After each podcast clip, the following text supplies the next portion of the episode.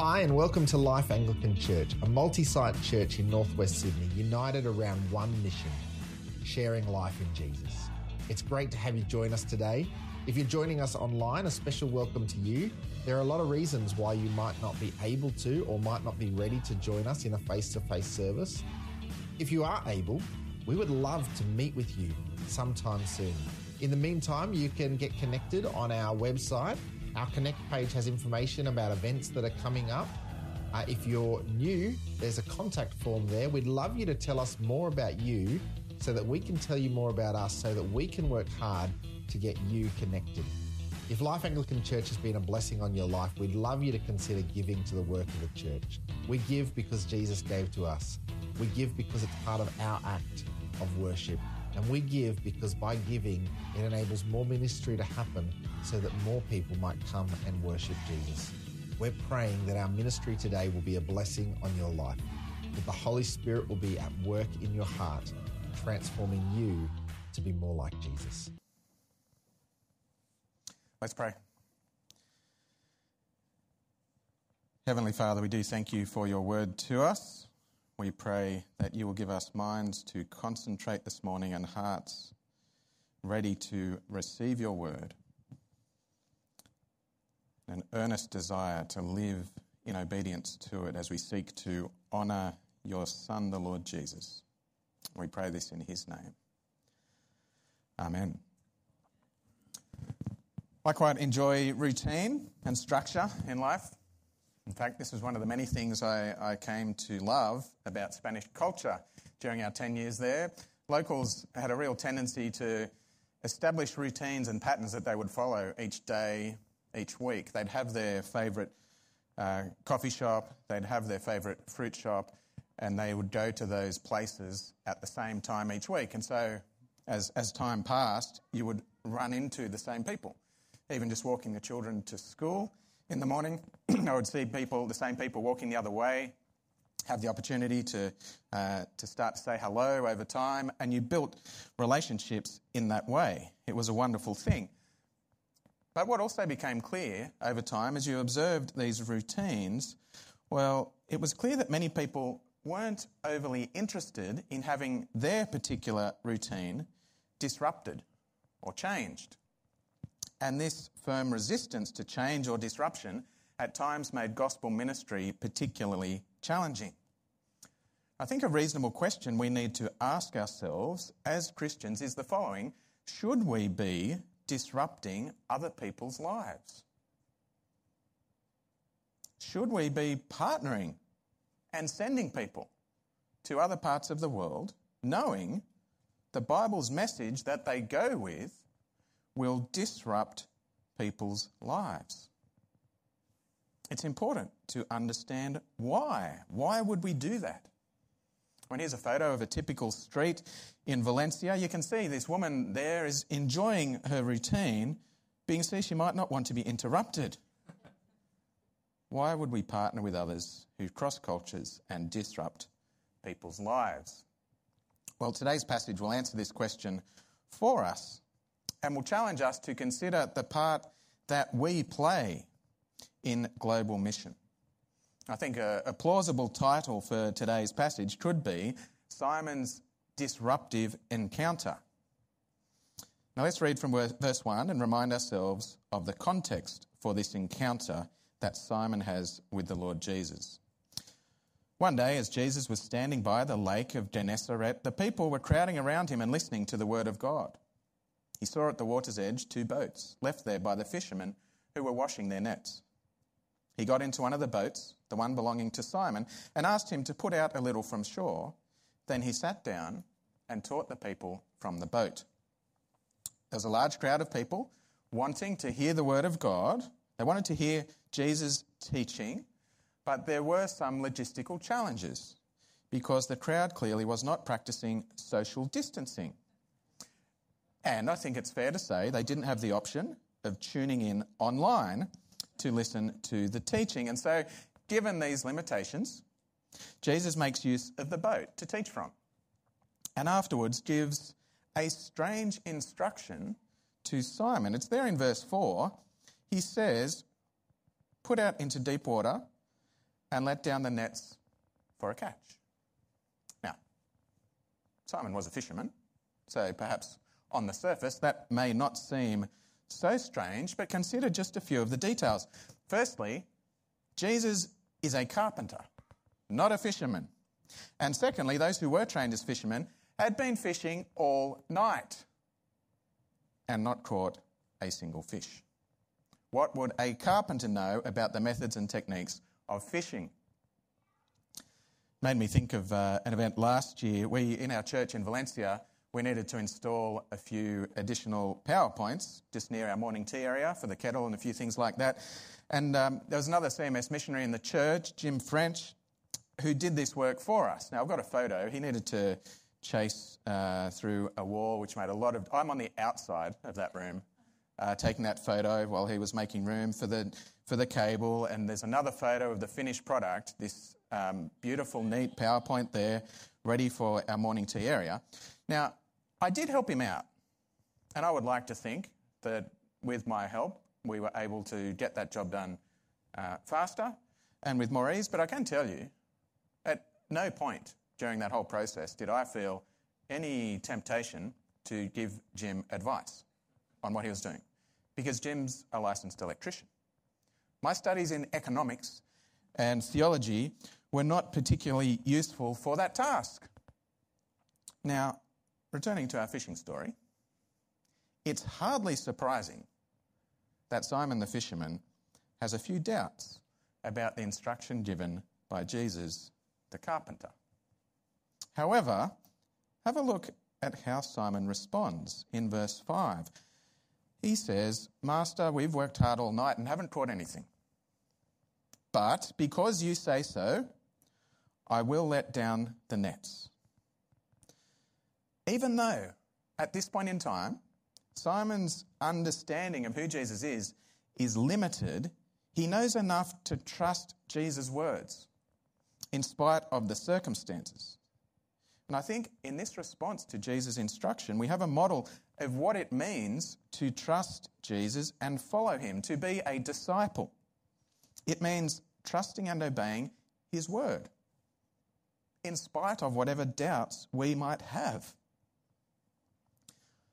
It's not that difficult to follow an instruction someone gives if you completely understand it and agree with what's being said. That's not hard. Everyone does that. I mean, that would be like me suggesting to one of my teenage daughters that they spend some more time on their phone. No problem, Dad. The test of our faith as a disciple of Jesus is when we have reasons to consider an alternative approach. Our friends are saying or doing the reverse. Society is promoting a different view or a different way forward.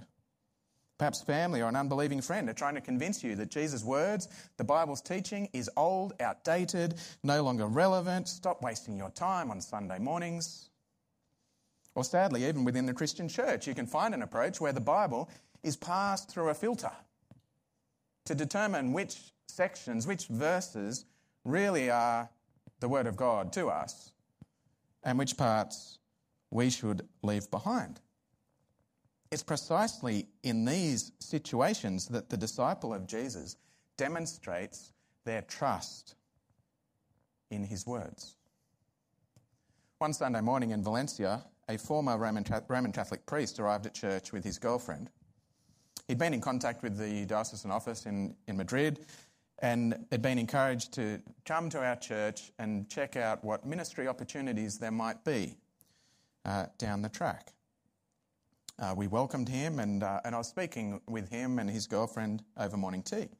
And I discovered um, they weren't married, but they were living together. And I explained to another member of our church afterwards that he wouldn't be involved in any leadership role within our church. That wouldn't be appropriate, uh, given the decisions he had made, which so clearly were contrary to the clear teaching of Scripture and God's good design for a man and a woman in marriage. The response, though, from that member of our church, he, he said to me, John, I think society has moved on since those days.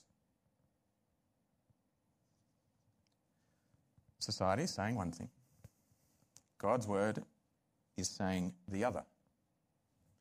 Do you trust Jesus and his words? Or do you only follow him when his instruction agrees with some other authority that you have put in place? Let's return to our fishing episode because Simon's response is stunning. In spite of everything, in spite of those circumstances, in spite of his doubts, Simon responds, But because you say so, I will let down the nets. And now have a look from verse 6 onwards. When they had done so, they caught such a large number of fish that their nets began to break. So they signaled to their partners in the other boat to come and help them.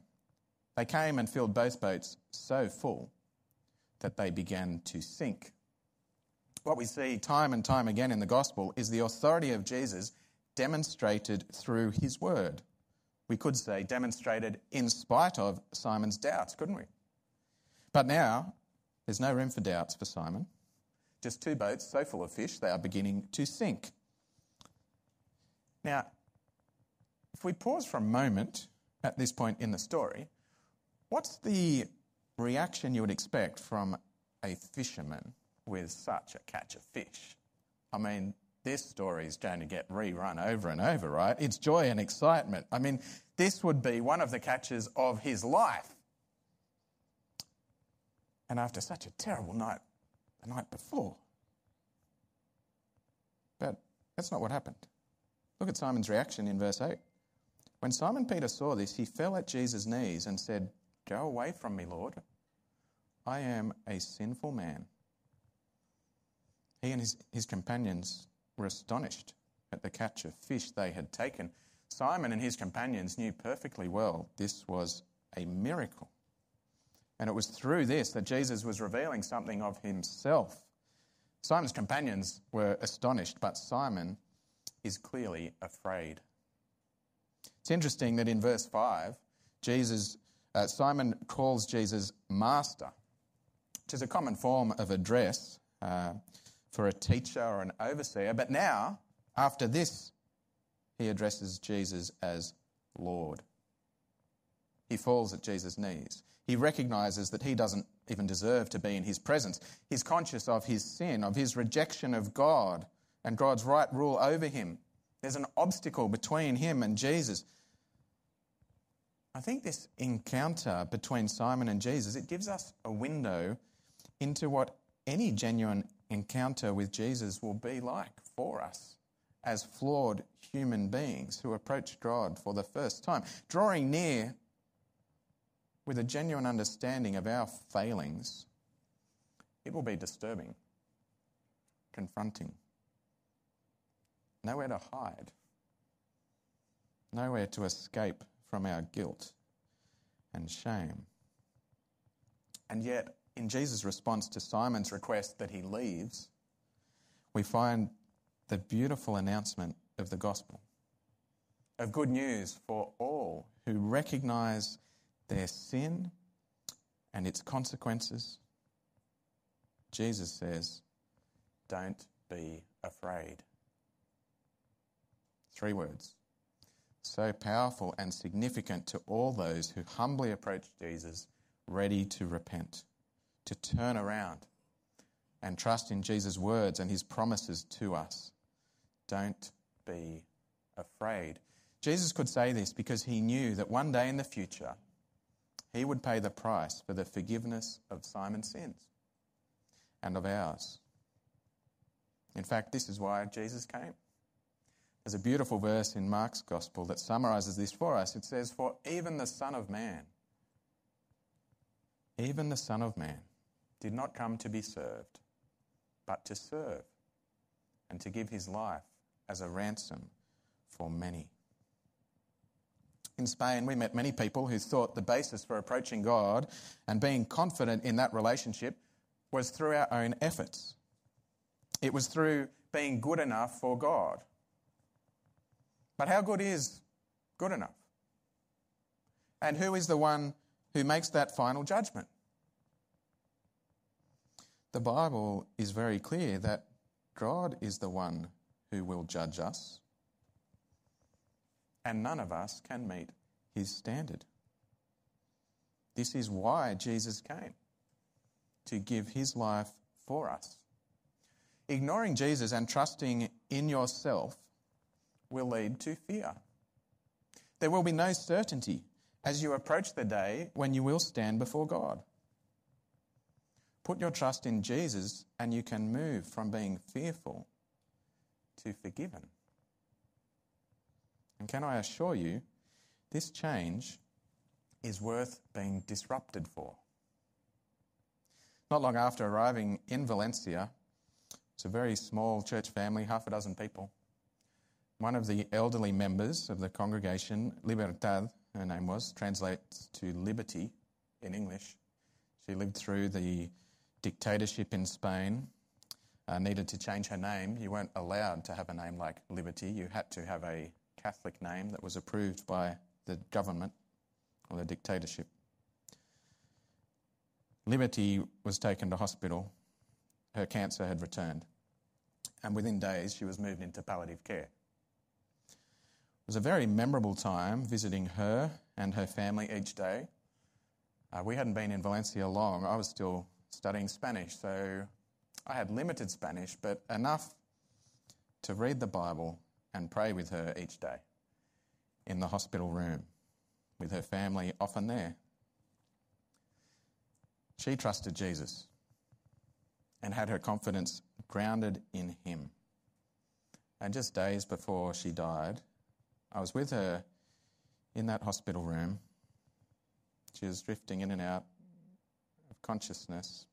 But when she was there, her mind was still very sharp. She knew she was not going home. One afternoon, she was sound asleep, but then quite suddenly she woke up, sat up, looked straight at me, said, John, I'm not afraid. She went back to sleep.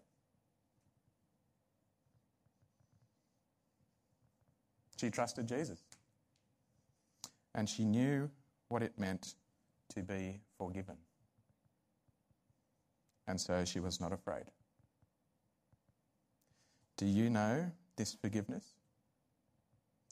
This forgiveness and freedom from fear?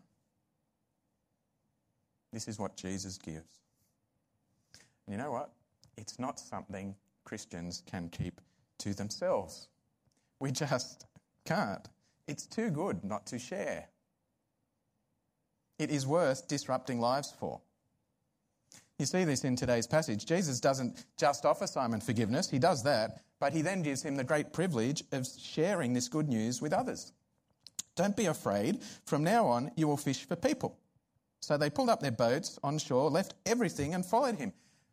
Making the decision to follow Jesus is not one to take lightly. It is an all of life, all of self commitment that will change everything moving forward.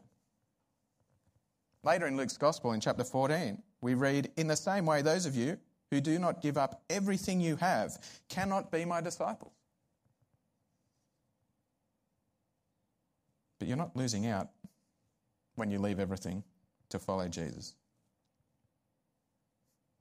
In Philippians chapter 3, Paul describes everything he had in his life before trusting Jesus. He considers it rubbish. I consider them garbage that I may gain Christ and be found in him. We're not losing out, but it does involve a radical change in our lives. There are different priorities, different perspectives, different concerns. For disciples of Jesus, there'll be nothing more important than knowing and trusting Him. It will be a radical and disruptive change. And Simon's encounter with Jesus serves as a pattern for the work of Jesus in the life of anyone who wants to be a disciple. It will look different, of course, for each individual, will be different and unique. But there will be an enormous transformation. Jesus said to Simon, From now on you will fish for people. So they pulled up their boats on shore, left everything, and followed him. There's an observation of Jesus' ongoing work in the world which we can make in these final verses of our passage, which should be a tremendous encouragement to us as we strive and struggle at times as disciples of Jesus. We can observe the following the power and authority of Jesus in this account is clearly seen through the actions of a humble, doubting, scared human being.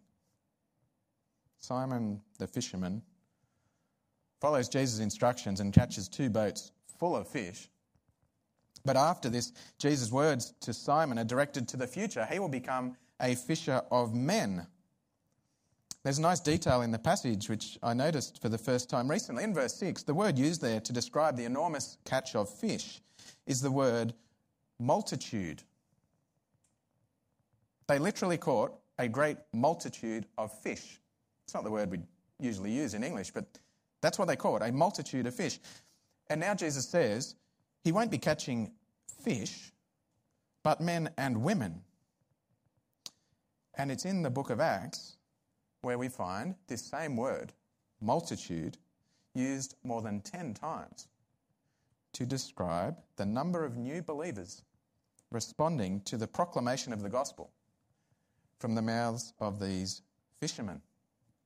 In Acts chapter 5, nevertheless, more and more men and women, literally multitudes of men and women, believed in the Lord and were added to their number. Chapter 14, a great multitude of Jews and Greeks believed. This is Jesus working through his disciples to catch great multitudes, not of fish, but of men and women.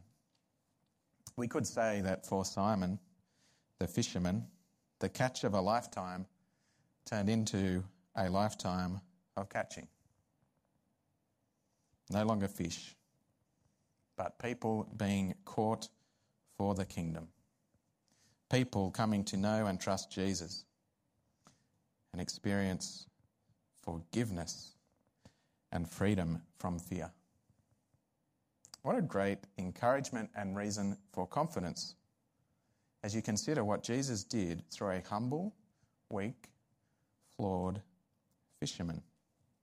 Jesus chose to gather many more new disciples through the work of this man, Simon, and other disciples like him. And can I tell you, humble, weak, flawed disciples continue to be used by Jesus to accomplish his good purposes. People like you, people like me. We left Valencia at the end of November last year, as I mentioned, after about 10 years in Spain. And one, one of our dear friends came to the airport to farewell us. She had come to know Jesus and had suffered for choosing to trust him. There was no question her Christian faith had disrupted her life and had been a source of significant hardship and difficulty in her close relationships with her family, with her friends, in the workplace. But with her forgiveness, there was such a joy in her life. As she hugged me and we said our farewells, she whispered in my ear, Thank you for introducing me to Jesus. He's changed my life.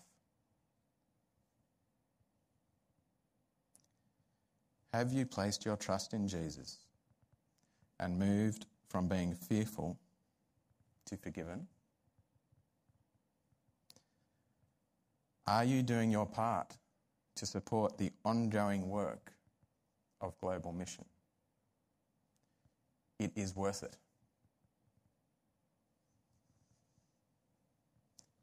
If you're here today or watching online and you're not sure how you can be more involved, in the work of mission, in the work that God is doing throughout the world through disciples. And can I encourage you to talk to one of the staff?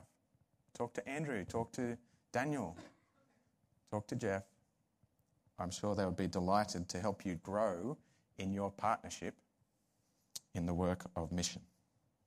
The truth is, there are many, many more multitudes who still need to hear about the Lord Jesus. Are you ready to be a part of that work? Let's pray. Father, we do thank you for this passage, for this disruptive encounter that Simon the fisherman had with the Lord Jesus. We thank you for those great words that capture the heart of the gospel, those words Jesus said to him Don't be afraid. May we know the joy of moving from fearful to forgiven. And may that joy motivate us to speak, to be a part of the work that you continue to do through followers of Jesus, catching many, many more multitudes into your kingdom, adding to those who know and trust the Lord Jesus. Give us a heart for that work. Help us look past our flaws and weaknesses and see that you delight to work through people like us, flawed though we are. May our trust be in you and your power, not in us. May that spur us on to be actively involved in seeing many more people come to know the Lord Jesus. We pray this in his name and for his honour and glory. Amen.